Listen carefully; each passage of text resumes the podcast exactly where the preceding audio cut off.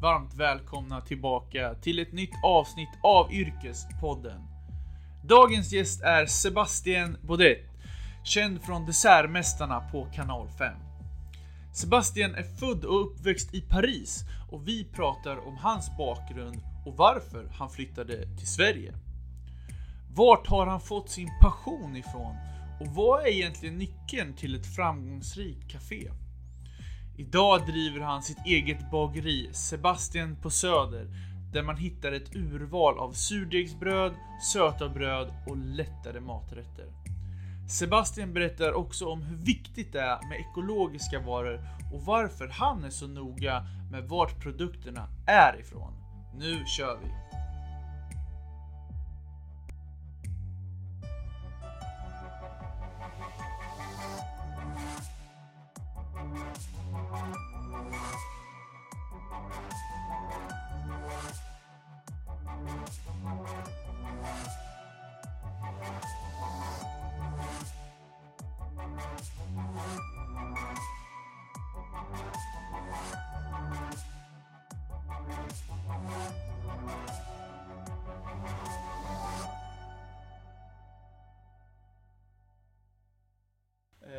Välkommen till Yrkespodden Sebastian.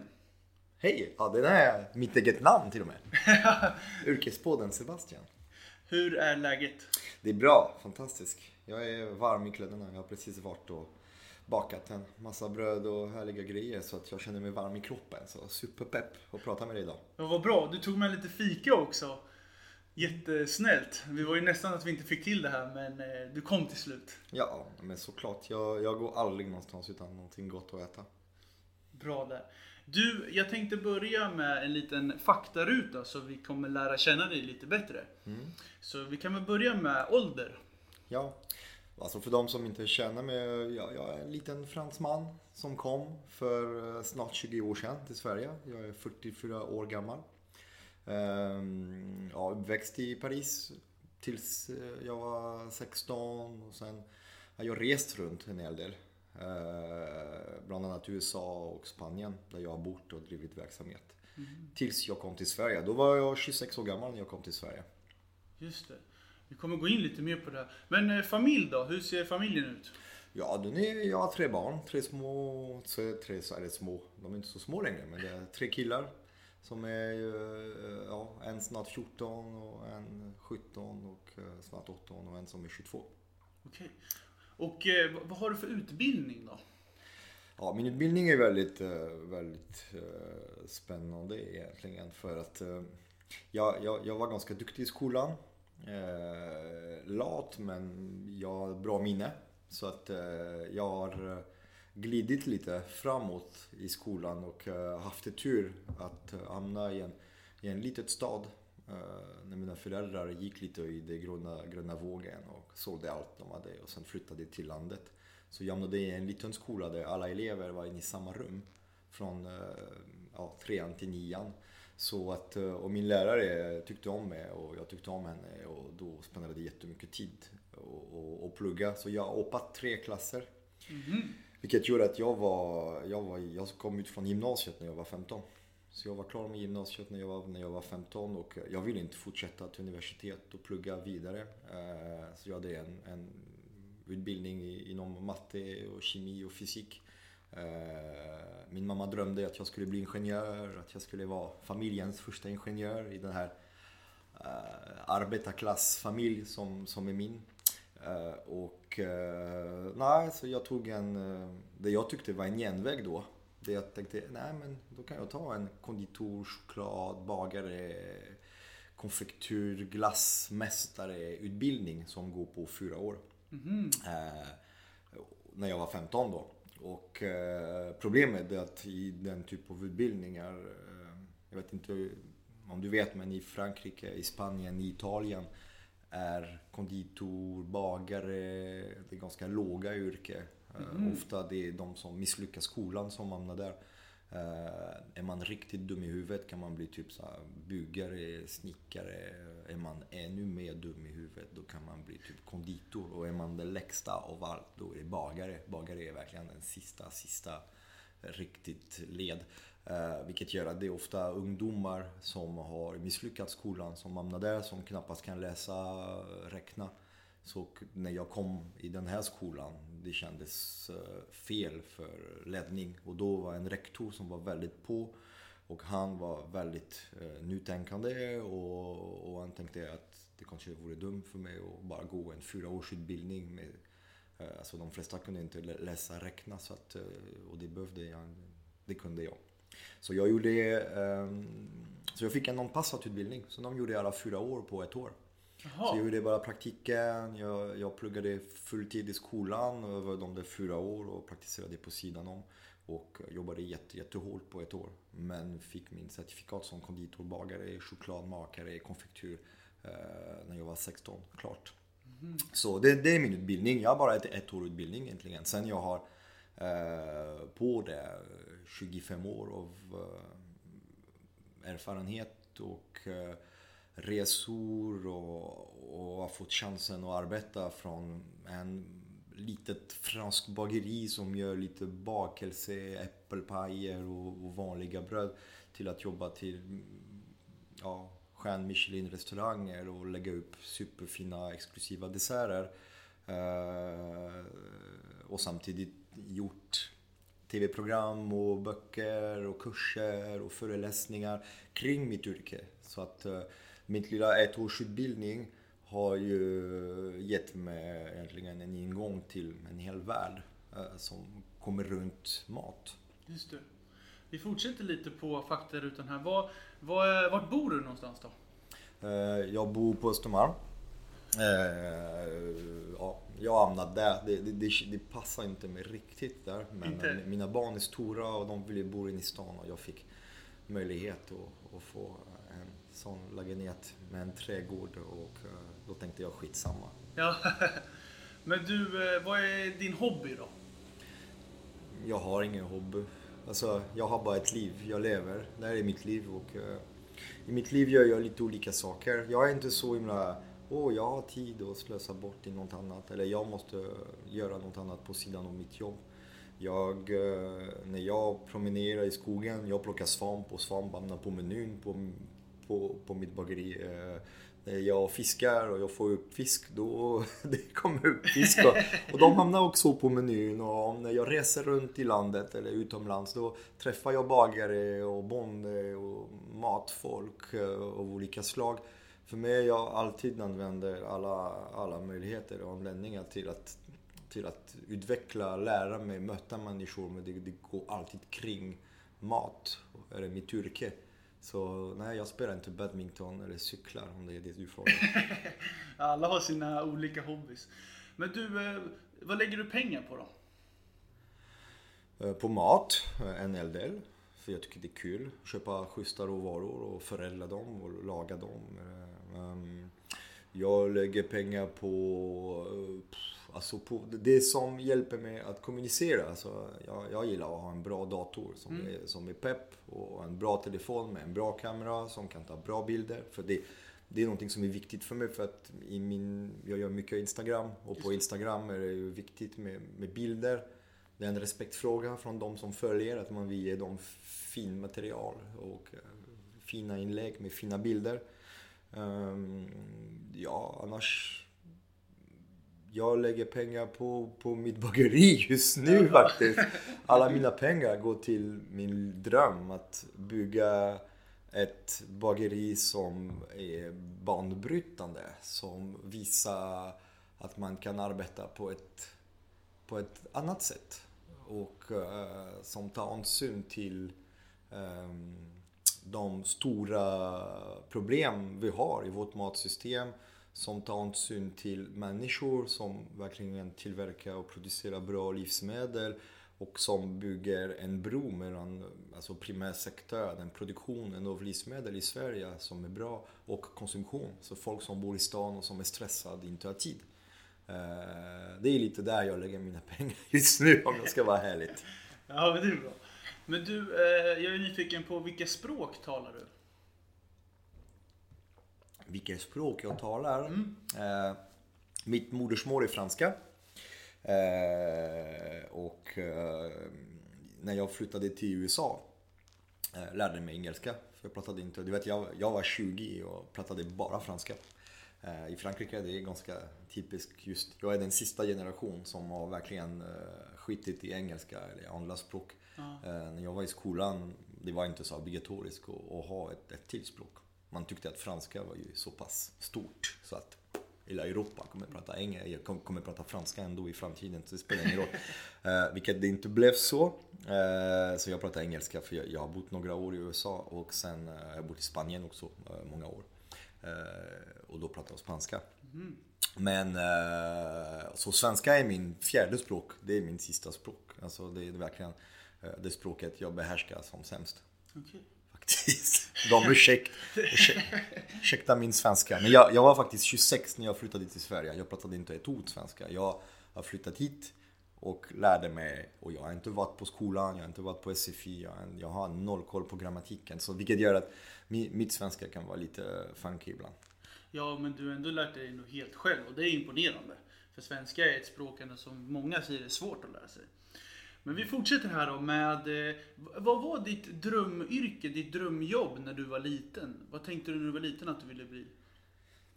Alltså, du vet barn och, och drömyrke. Jag vet inte om det, om det är relevant. Jag hade inte drömt att bli bagare, definitivt inte.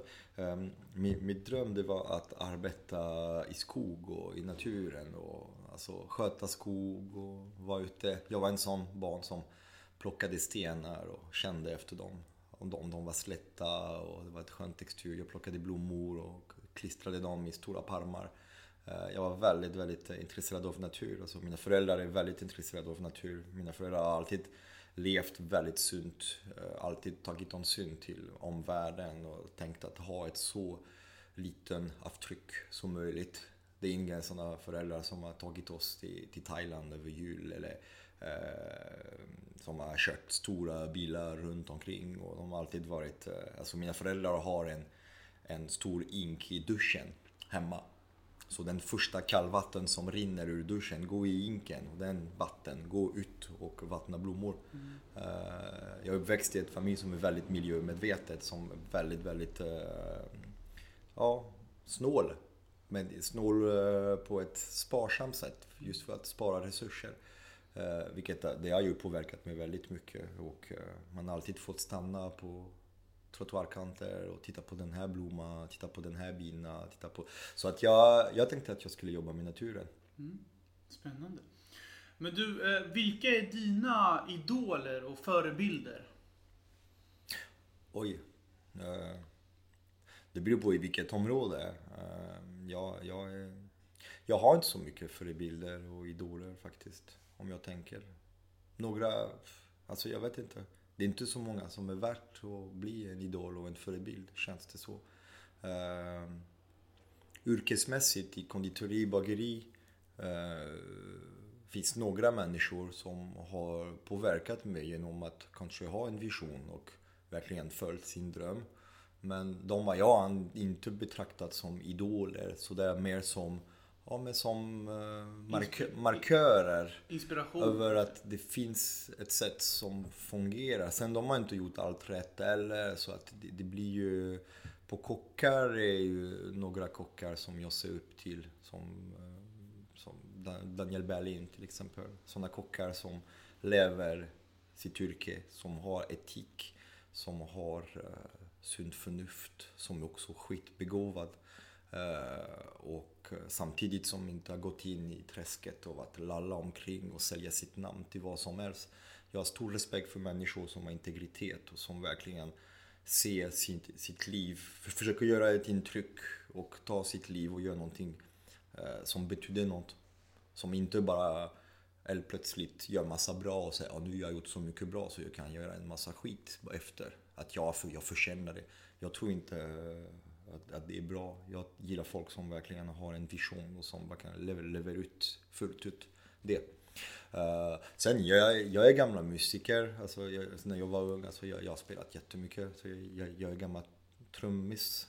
Uh, så ja, många musik, Musikidoler. Ja. Och sen så musik och bröd det och, och mat. Det är, mina, det är mina grejer. Ja, vad bra. För då är nästa fråga så här. Eh, vad är din favoriträtt att laga i mat då? Vad, vad, vad gillar du att laga för mat? Mm, det är väldigt, beror på säsong, årstiden. Vad får man tillgång till för råvaror? Alltså, mat, mat och musik är väldigt relaterat. Alltså, mm, skulle du fråga samma sak om favoritlåt, jag skulle svara exakt likadant. Det beror på i vilket läge man är, i vilket humör man är, i vilket tillstånd, med vem man är. Om man är själv eller om man, man är med andra. Eh, det finns mat som samlar människor omkring. En paella, en, en tagine, en, en cassoulet. Du vet, det är sådana maträtter. där Man måste vara fler, man måste njuta tillsammans. Det handlar lika mycket, mycket om det sociala än själva att bli mätt och, och, eller att få ett gastronomisk upplevelse. Ehm, uh, Medan det finns andra rätter som man är lite med själv och det är bara till dig själv. Alltså att laga en god macka med ett ägg och gräslök och god lagrad ost och så. Det, kan vara ett skick, det kan vara så, här, så fin matupplevelse. Samtidigt som det är så enkelt och man kan göra det själv så i ett viss tid på dagen eller en trög helg. Eller en torsdagkväll och ta fram ett nybakat surdegsbröd med tjock skorpa, med krämigt inkrom. så alltså, det är så, så mineraligt och djup och krämigt och med en skorpa som är så tjock och mörkt så att du, för det, det är som att checka fudge eller kolla. För det fastnar mellan tänderna och blir så sött och härligt. Det där, du vet med en god lagrad ost som är i rumstemperatur och ett glas rödvin som är, som är utan Du gör mig hungrig nu. Ja men det där är ju fantastiska matupplevelser som behöver inte vara superkomplicerade. komplicerade. Sen man kan ju lägga två dygn på en, på en rätt. Uh, vilket är också fantastiskt. Men jag försöker alltid laga maten som passar in i den stunden. Är man stressad mitt i veckan, massa läxor, träningar hit dit. Så då är det klart att det är ingen idé att, att satsa högt och göra någonting som är jättekrångligt. För I så fall skapar man massa stress och, och frustration. Eh, Medan vid vissa stunder, man har hela dagen och alla, alla är hemma och säger ja men vi är många här, hopp, då kan vi göra någonting som är krångligt. Vi kan göra det tillsammans. Jag förstår. Yrkespodden kan gladligen berätta mer om sitt nya samarbete med appen Lean. L-E-E-N. Om du är som jag och älskar att vara ute och äta på restaurang, då vill jag tipsa dig om den här nya appen Lean. Genom Lean, då kan du beställa mat snabbt och smidigt oavsett om du är hemma eller om du sitter på bordet på restaurangen. Lean gör det också enklare och billigare för just krögaren. Och i samarbete med appen Lean så har vi nu startat en tävling där ni kan tipsa om en restaurang som ni vill ska finnas i appen. Och det kanske är din favoritrestaurang. Och då gör du så här. Du mejlar tips till yrkespodden snabela leen.co. Vinnaren får nämligen ett presentkort på 1000 kronor att käka för. Och det vill ni ju inte missa. Tack så mycket Lin.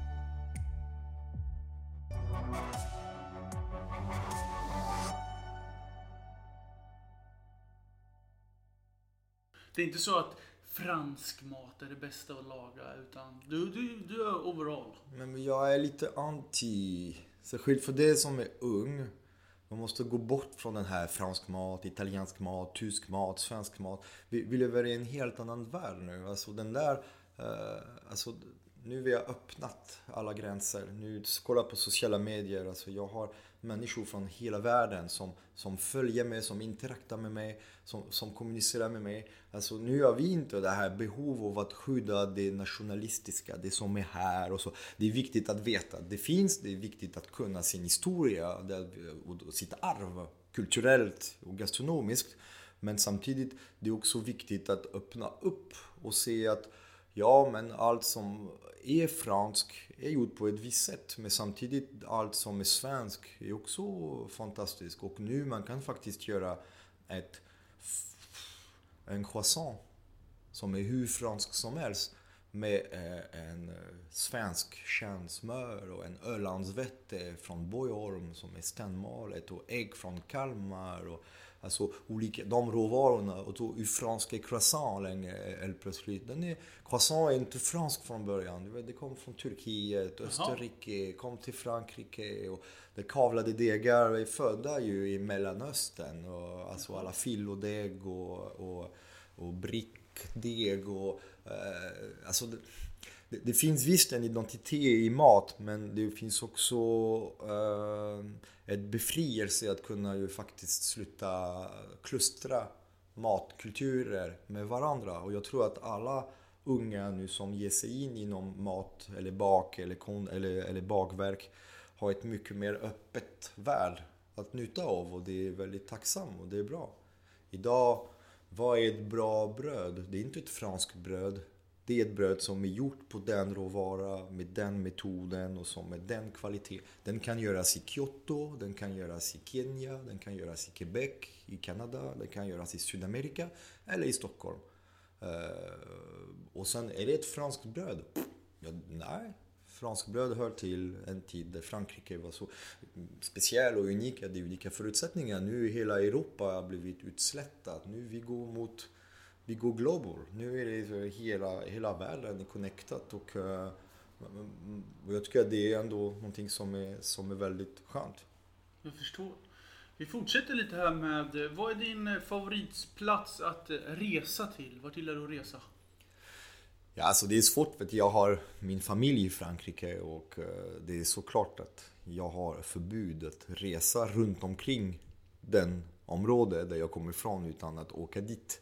Så att jag kan inte åka till Italien eller du vet, till Alsace och så för då får jag skit av mina föräldrar. Varför åker du dit och inte till oss istället? Och så, så att äntligen när jag har rest, eh, jag har försökt resa ganska långt borta och lite längre tid. Eh, det Alltså jag försöker eh, eh, inte flyga och inte flyga kort. Eh, och då när jag flyger, då flyger jag långt och, och försöker man ta vara på den tiden som, som, som man får och försöker ta barnen med mig. Men jag har varit mycket i USA.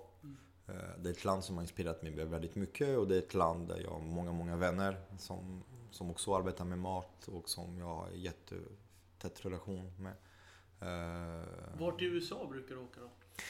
Jag åker runt rätt mycket. Jag är väldigt mycket på älskar älska, älska New York. Eh, jag har bott där eh, innan jag kom till Sverige.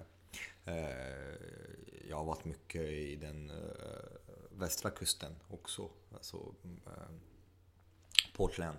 Portland är en av mina favoritstäder i USA. San Francisco är också väldigt spännande. Man, man, man jobbar med bröd och bakverk och dessert. Det är väldigt mycket, mycket fina ställen. Men hela, hela kusten tycker jag är fantastisk. New Orleans, väldigt spännande stad. Man gillar musik och, och, mat, där möts båda kulturerna. Eh, det är väldigt eh, spännande. Alltså man kan gå in i en vanlig bar mitt i natten och där står spelas världsklassmusik. Eh, och sen kommer man ut där, det står en gubbe med en tunna som grillar. Och det står såna köttbitar som har stått här hela dagen och som är möra som smälter i munnen. Och, och som smakar bara som ingen annanstans i världen. Så att Nej, USA, USA gillar jag. Mm. Jag är också väldigt fascinerad av, av Japan. Alltså hela, hela världen är spännande egentligen. Och sen den där matkulturer. Eh, Sydamerika är min nästa, min, min nästa mål. Mm. Alltså om jag ska åka långt någonstans inom en snar framtid, det är ju, det är ju Sydamerika. Bland annat Peru. Okej, spännande. Du, om vi gör så här om vi, om vi backar bandet lite tills där du är uppväxt. Mm. Eh, för du är ju uppväxt i Frankrike eh, och i Paris. Mm, delvis. Alltså både Paris och uh, vårt lilla håla på landet mitt i Normandie. Okej. Hur, hur var det att eh, växa upp i, i Paris? Berätta, vad, vad kommer du ihåg från din uppväxt? Alltså Paris är inte så spännande för ett barn, eh, skulle man säga. Alltså, det är mycket roligare om, om, man, är, om man är vuxen. Eh, det är ett stressat stad, det är ett smutsigt stad, det är en eh, ehm, det, är, det, det är ett huvudstad, det är en europeisk stad. Så att, det, med allt det innebär. Har man pengar och bor man fint och nära in i stan, då är det ganska behagligt och fint. Bor man utanför, måste ta sig till jobbet varje dag, det kan vara väldigt knäckande. Eh, för det är så mycket trafik och transportproblem och du vet alla strejk och så. så att, jag tror inte att jag skulle vilja bo i Paris igen någonsin. Det har aldrig varit min dröm. Jag tycker om att åka dit. Bara över en älg och bo på en liten mysigt litet hotell i Montmartre. Och, och sen kan man strosa omkring och äta gott och dricka gott och, och få suga in den här atmosfären.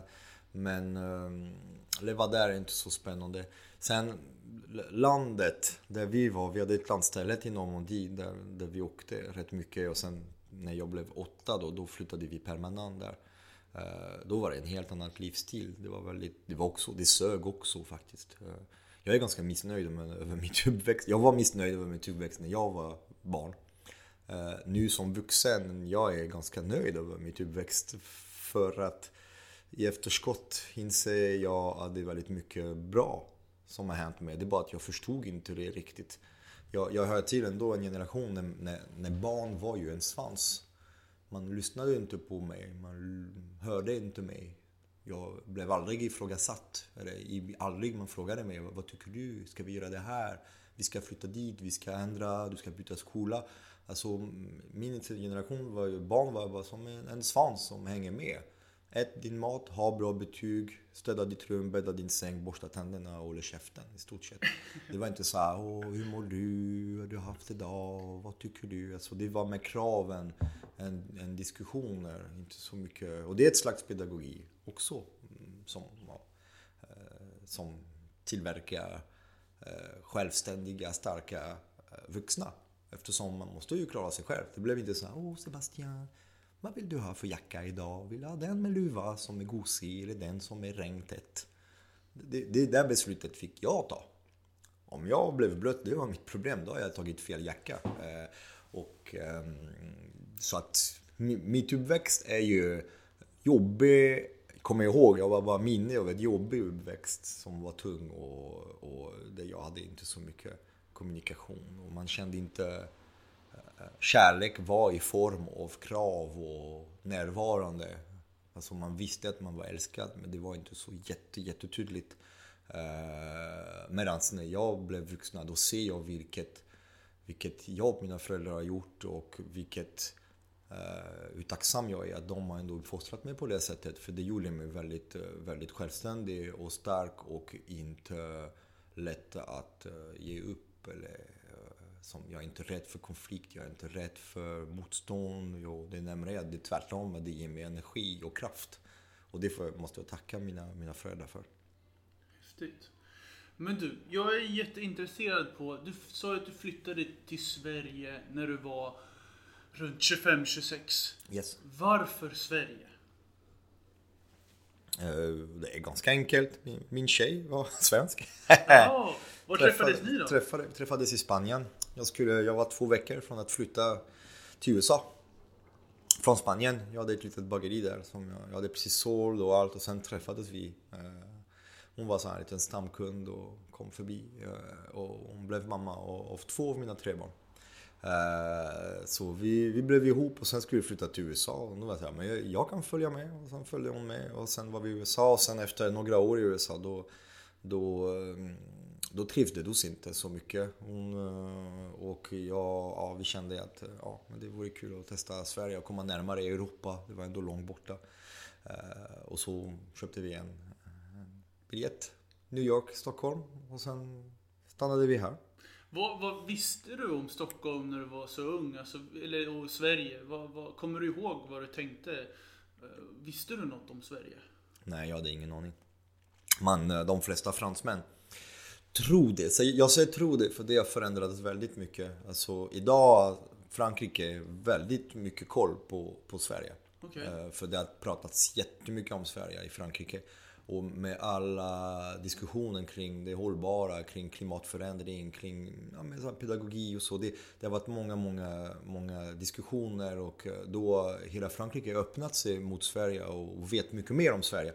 Men när jag kom 2001 ingen fransman visste riktigt om Sverige. Alltså, det, det, det, jag ringde mina kusiner och sa jag har flyttat till Sverige. Och de bara åh, hur blir det? Det blir som isbjörnar. Du måste, köpa, du måste köpa en bössa. Och folk, alltså, jag tror att fransmännen hade en bild av Norden som var väldigt så här isig och kallt och vinter och mörkt och att folk skulle vara typ lite så här inuiter och, och sådär. Sen kommer man till Stockholm, då ser man att det är absolut inte så. Så att det, det var ju vågat, jag visste ingenting. Alltså, det är fördelen av att vara ung, man kan göra saker utan att genomtänka helt.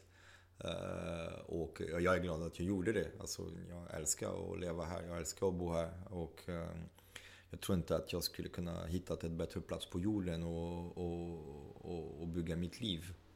Uh, jag älskar verkligen allt som har med landskapen och att det här landet har så många olika sorters landskap från norr till söder och kulturen och eh, en ödmjukhet som också är, väldigt spännande som gör att samhället kan fungera på ett helt annat sätt om man jämför med en spansk eller en italiensk eller en fransk samhälle där ah, man tar för sig och man blir rörigt och det här är ändå en ordning och reda samtidigt som att jag har också lyckats ta in mina franska värderingar och mina franska saker lite i Sverige som har blivit mer kontinental också med åren.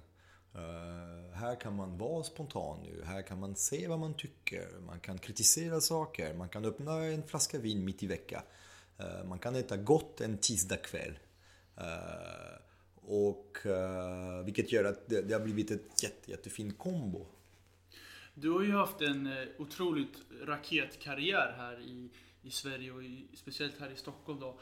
Men jag tänker, jag måste undra, när, när, du kom hit och sen, eh, vad var det första du gjorde när du kom till Sverige? Var det söka jobb eller vad, vad, vad tänkte du? Um, ja, alltså raketkarriär, vad, vad är det? Jag har... Alltså allt jag har gjort, jag har kämpat jättehårt och arbetat väldigt mycket uh, för det. Jag tror inte att... Uh, du vet, man, man, man, får inte saker. Det är ingenting jag har fått. Allt har jag jobbat, jobbat mycket för och haft mål och ambition och passion. Och sen har jag också levererat. Eh, man ser, ja man har skrivit en bok, ja det är fint. Alltså, en bok är ju ett gigantiskt projekt. Som kräver inte bara att man har en bra idé och man är duktig på det man gör. Det krävs också att det mänskliga, man måste hitta människor att jobba med. Och, och sen måste man ju leverera efter. Det är ett super, super uh, tung och tufft projekt.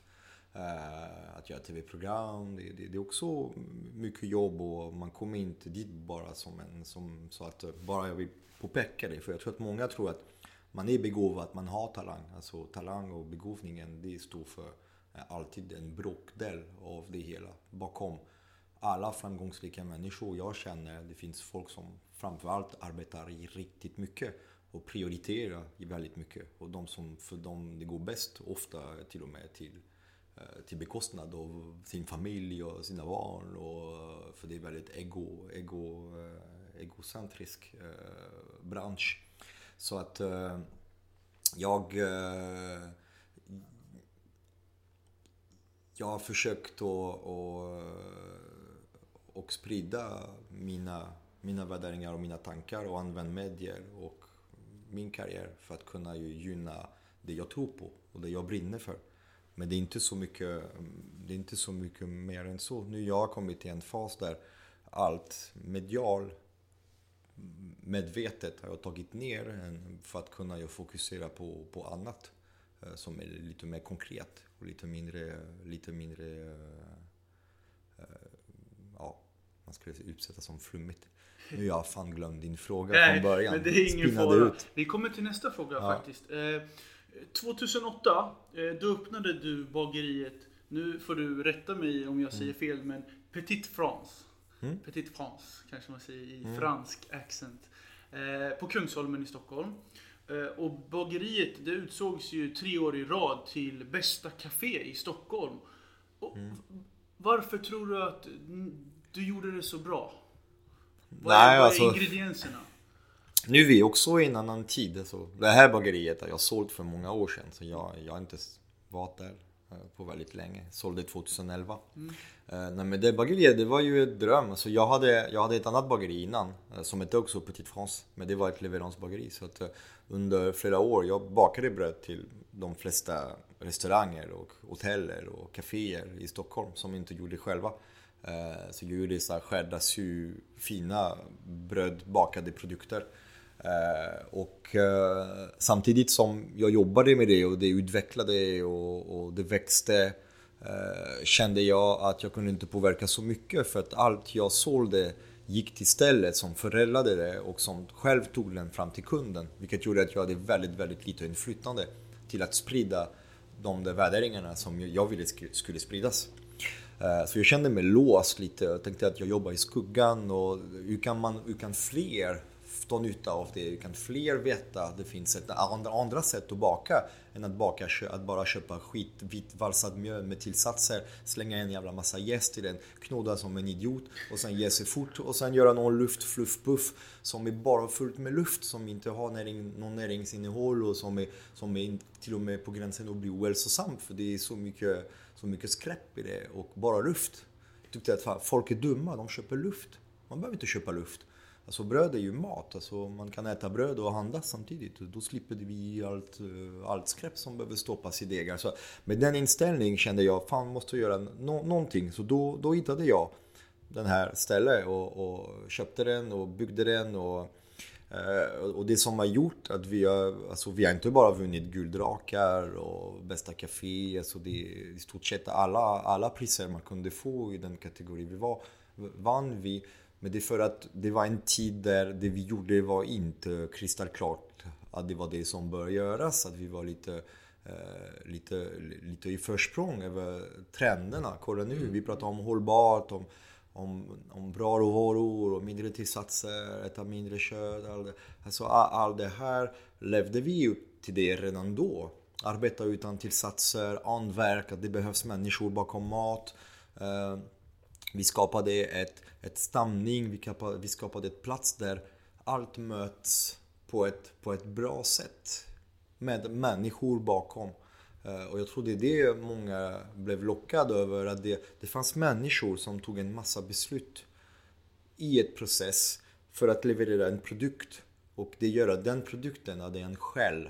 För att det fanns massa beslut. Det är som att köpa ett supergott naturvin. Som, du vet, ett naturvin, det är ett vin där för nu är allt vin separerat. Du har de som gör druvor, odlar druvor och sen pressar. Så det är de som gör vinet. Mm. Och då är det massa skit och tillsatser och som, som finns i vinet. Alla så här bag-in-box och billiga viner. Sen det finns människor som gör vin som har en, en mark, som har ett, ett klimatzon, som har en typ av druva, som har kunskap, som har arv, som har passion, som har en massa fina värderingar och de kommer ta druvan hela vägen till ett, en, i en flaska. Och eh, när den här vinet kommer till ditt bord och du vet att den man, det är så hundratal beslut som har, behövt, som har behövt tagits och det är så många justeringar och känslor och magkänslor och när ska man pressa, när ska man stoppa i flaska och hur ska vi göra, hur ska vi klippa? Och, alltså, alla de där beslut kommer ju påverka slutprodukten och det, och det är helt plötsligt det vi gjorde här fast med bröd och bullar och bakverk och dessert och maträtter. För att innan vi startade Petit France, eh, bröd var ett en baslivsmedel. Bagarna bakade med mjöl. De hade ingen aning var den kom ifrån. Vad var det för spannmål? Vad var det för landskap? Vad var det för klimat? Var den, var den kommer ifrån? Alltså för alla bagare var mjöl en uppföljningsmaterial. Ett vitt pulver som kommer i en säck. Mm. Alltså, nu när jag arbetar med bröd, alltså jag vet vilket spannmål kommer från var. Och det är inte, det är inte flummigt att säga ah, oh, okay, det är så. Men det terroir, det vi kallar för terroir på franska, det betyder att det är smaken av en plats. Den har väldigt stor betydelse i ett bröd. Alltså jag har en, en bonde som odlar dalavete i, i Dalarna utanför Mora, i en liten by som heter, som heter Gustavs. Alltså, hans dalavett är, är ju magisk och den är unik just för att den kommer från Dalarna och den kommer från honom som har bevarat gården som alla andra syskon ville sälja och han har kämpat och köpt ut en efter varandra och bevarat den, den jorden. I Dalarna har man ett speciell typ av jord. Det är superkallt på vinter. Jorden fryser djupt. Och då när, du vet när jorden fryser, den expanderar. Om man har glömt en öl i frysen, man, man vet att vätska expanderar när den fryser. Exakt. Eller champagne, eller, eller vilket vätska som helst. Och sen i våren, när, när våren kommer, då, då, då smälter isen och jorden blir väldigt fluffig. Vilket gör att det finns mer plats för rötter och det finns mer plats för mikroorganismer, för svampar, alltså små, små svampkedjor som är livsviktiga för växter. Och, eh, och massa alla djur. Och rotsystemet kan gå mycket djupare. Och sen i juli-augusti, ja, i Dalarna är det 22 timmar solljus på dagen. Och eh, det är då spannmål mognar och alltså det är såklart att den där platsen, ett speciell egenskap som kommer ge spannmål ett speciellt ett speciell terroir. Och det vill jag förädla. Och det fanns inte innan. Och det talade aldrig om det. När jag sommarpratade 2011, jag satt och pratade om terroir, om spannmål, om jordbruk och så. Och de flesta bönder som har vågat ta sin, eh, sin brevlåda och skriva ett brev eller, eller skicka ett meddelande eh, tyckte att jag var dum i huvudet. Vad snackar du om? Skulle spannmål smaka annorlunda från här till där och där till där? Alltså, det, här finns inte. Spannmål är spannmål, punkt. Eh, och det stämmer inte. Okej. Intressant att höra. Men du, eh, sedan 2013 då har ju du varit med i en jury på TV4, eller TV-programmet Dessertmästarna på kanal 5. Mm. Och jag är lite undrar lite, hur, hur kom du i kontakt med Dessertmästarna och varför valde de dig? Ja, det är en lång historia. Uh, vi, vi har slutat med Dessertmästarna. Så vi, har, vi har gjort åtta säsonger. Mm. Och både Roy, Magnus och jag kände att ja, men det kanske, kanske är bra.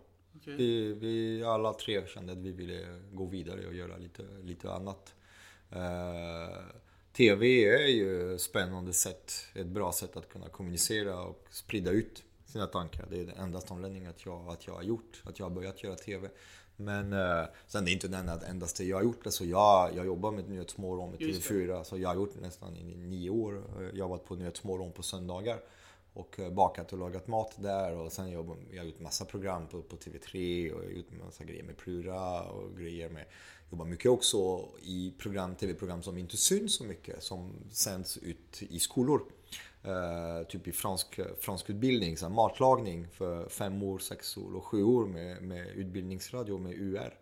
Uh, eh, som uh, det är också ganska roligt för det det ju, ger mig möjlighet att kunna ju, Eh, inspirera ungdomar som inte bara lär sig franska men också i den franska kulturen och den franska, den franska maten.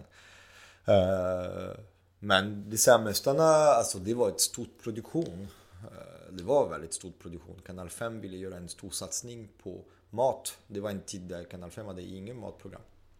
Och de ville ha ett matprogram och det, det saknades en, ett program i Sverige där det var yrkesmän som tävlar mot varandra i alla matprogram. Det är ju alltid hemma kockar eller hemmabagare. Om man har hela Sverige baka, det är hemma, hemmabagare som bakar. Eller om det är mästerkock, alltså det, det är hemma, hemmalagare som, som lagar mat. Uh, det är bara kockarnas kamp nu som där, där det är riktiga kockar. Mm. Så dessertmästarna skulle ju komma in som ett, just som, som toppchef dessert. Uh, och få yrkeskonditorer att få tävla mot varandra. Eh, för det är lite roligare också. Det är lite mindre drama i, oh, ja, min muffinsmätt har spruckit eller så. Det är lite mer, eh, eh, de tog lite mer stress för de jobbar redan med, med mat och är vana vid, vid stress. Så att, det, har varit, det har varit fantastiskt roliga år och det har varit fantastiskt roligt att få jobba med Roy och Magnus.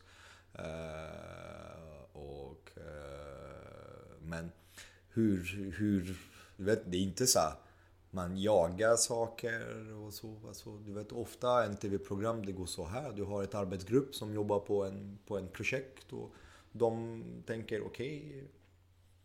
Okay, eh, TV är ganska smutsigt bransch. Alltså, man vill sälja reklam. Mm. Alltså, förutom SVT, alla kanaler vill sälja reklam. De har ju annonsörer som vill spendera pengar för att nå sin målgrupp.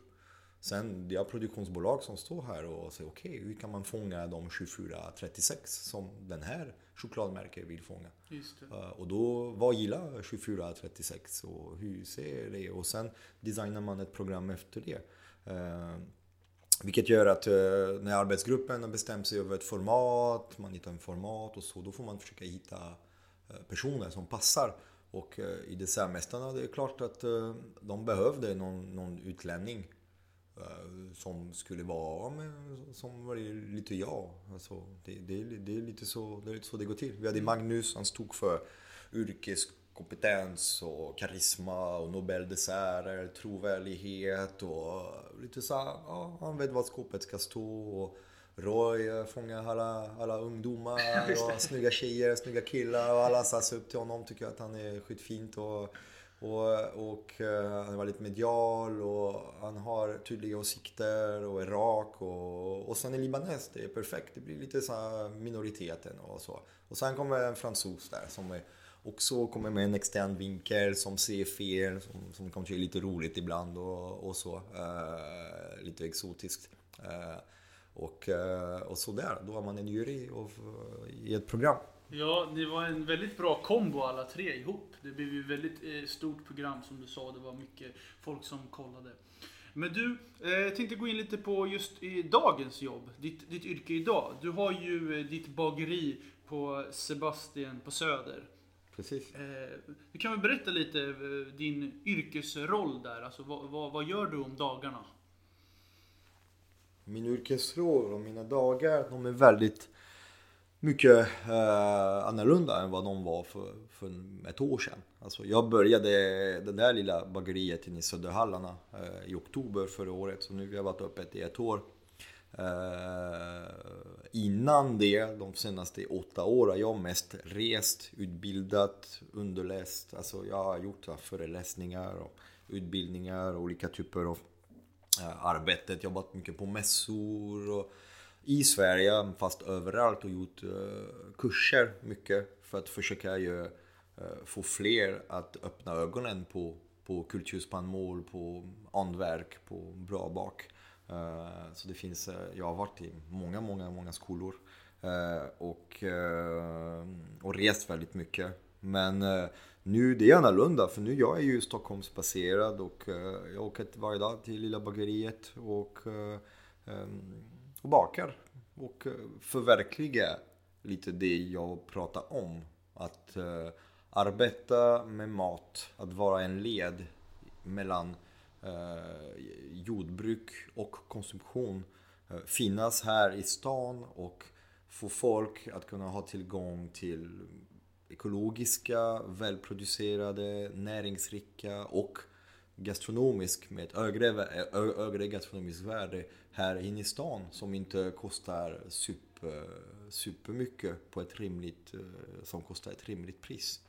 Eh, så mina arbetsdagar är ju väldigt mycket bakbaserade. Det är lite degarna som styr.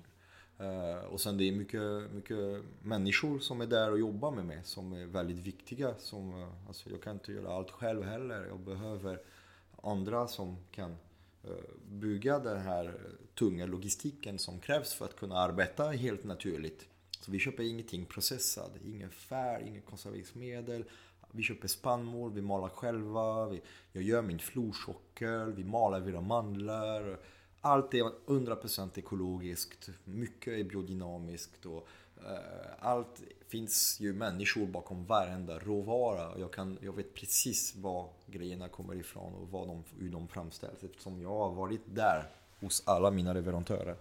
Så att eh, eh, så mina dagar är en blandning av bak och det är en blandning av och lite så pappa här inne. För det, det, alla, är, alla vi har så, här, så mycket passionerade, alltså alla som jobbar hos mig är så passionerade, de brinner så mycket och de är för de flesta är väldigt unga och, och ibland spårar ut, vilket är fantastiskt. Eh, för att det, är så mycket, det finns så mycket energi i det rummet. Och, eh, för det är det som krävs för att arbeta som vi gör. Och eh, jag tror att det, det där jag skulle lätt säga det är det bästa jag har gjort alltså yrkesmässigt. Att bygga det här lilla bageriet på, på Söder. Och den bageriet skulle bli ju en... Från början skulle det bli en pop-up som skulle bara gå i ett år. Men nu vi har fått ju förlängning och nu kommer vi kunna få stanna här och förhoppningsvis vara med också efter ombyggnation av Söderhallarna. Så att eh, det, det är jätte, jättekul. Jag är jätteglad för det. Oh, spännande. Du, eh, vi ska faktiskt eh, avrunda podcasten nu. Och alla i min podcast som har varit med, de ska alltid få ge några tips. Och jag tänkte att du skulle få ge två tips. Och då får du tänka så här att de som lyssnar nu kanske vill bli bagare eller krögare. Och då mm. kan du som har erfarenheten nu få ge två bra tips vad man ska tänka på om man vill jobba med det här, om man vill gå in i det här yrket. Så om du skulle ge första tipset, vad skulle du säga till någon som vill bli det du jobbar med? Alltså för någon, för någon som vill bli bagare skulle jag rekommendera att uh, försöka hitta en bra utbildning. Och uh, det beror på hur smart man är. Är någon riktigt smart, alltså smart och klok. Uh, det kanske inte passar in att gå på ett gymnasieutbildning på, på tre år och, och, och lära sig för det blir ju för mässig och då vill man helst hitta ett lite tuffare utbildning. Det finns en utbildning i Jämtland med Eldrimner som är fantastisk, som är ett år utbildning som småskaligt hantverksbagare. Och där får man ju verkligen eh, efter utbildningen kan man arbeta direkt. Och att välja rätt arbetsplatser efter. Första jobb efter plugget är väldigt, väldigt viktiga. De ofta avgör rätt mycket över eh, framtiden. Jättebra första tips. Mm. Vad skulle du säga det andra, sista tipset är? Ja, alltså att bli, att bli, ba, att bli krögare, det vill säga att äga en ställe som tillverkar mat eller bak. Jag skulle säga att det, det är mångas dröm. Eh, jag får många eh, mail varje vecka och folk som är ingenjör, är naprapat, är bussförare och som drömmer om att öppna ett eget café, ett eget bageri. Eh, jag, jag försöker alltid varna och se att man improviserar sig inte, bagare eller kock längre. Och driva ett krog kräver ju kunskap, erfarenhet och för det är väldigt mycket arbete.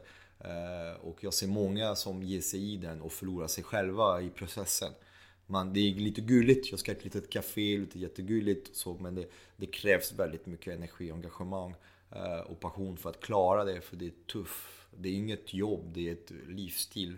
Och eh, innan man ger sig i det, jag skulle rekommendera att man arbetar med det först. Att man, om man vill öppna ett bageri, jobba som bagare, utbilda dig, lär dig så att du kan för så finansfolk, folk som har lite pengar och, och som ska investera och som, som ska anlita folk för att kunna göra, uppfylla sina drömmar. Det är sällan att det går bra. Två jättebra tips. Du, eh, tusen tack att du var med i Yrkespodden. Mm. Tack själv. Säger vi hejdå.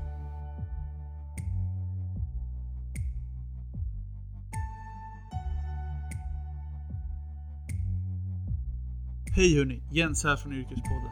Hoppas ni tycker om podcasten och se till att prenumerera på Yrkespodden i din poddapp. Det finns på Spotify, iTunes, Acast, Soundcloud. Ja, ni vet där alla poddar finns. Jag finns också på LinkedIn, Jens Jangdin och även på Instagram där jag också heter Jens Jangdin. Och stort tack till min högra hand som klipper min podd, Sebastian Myrdal. Har ni frågor angående klippa podcast så ska ni höra av er på Sebastian.myrdal.gmail. Tack så mycket!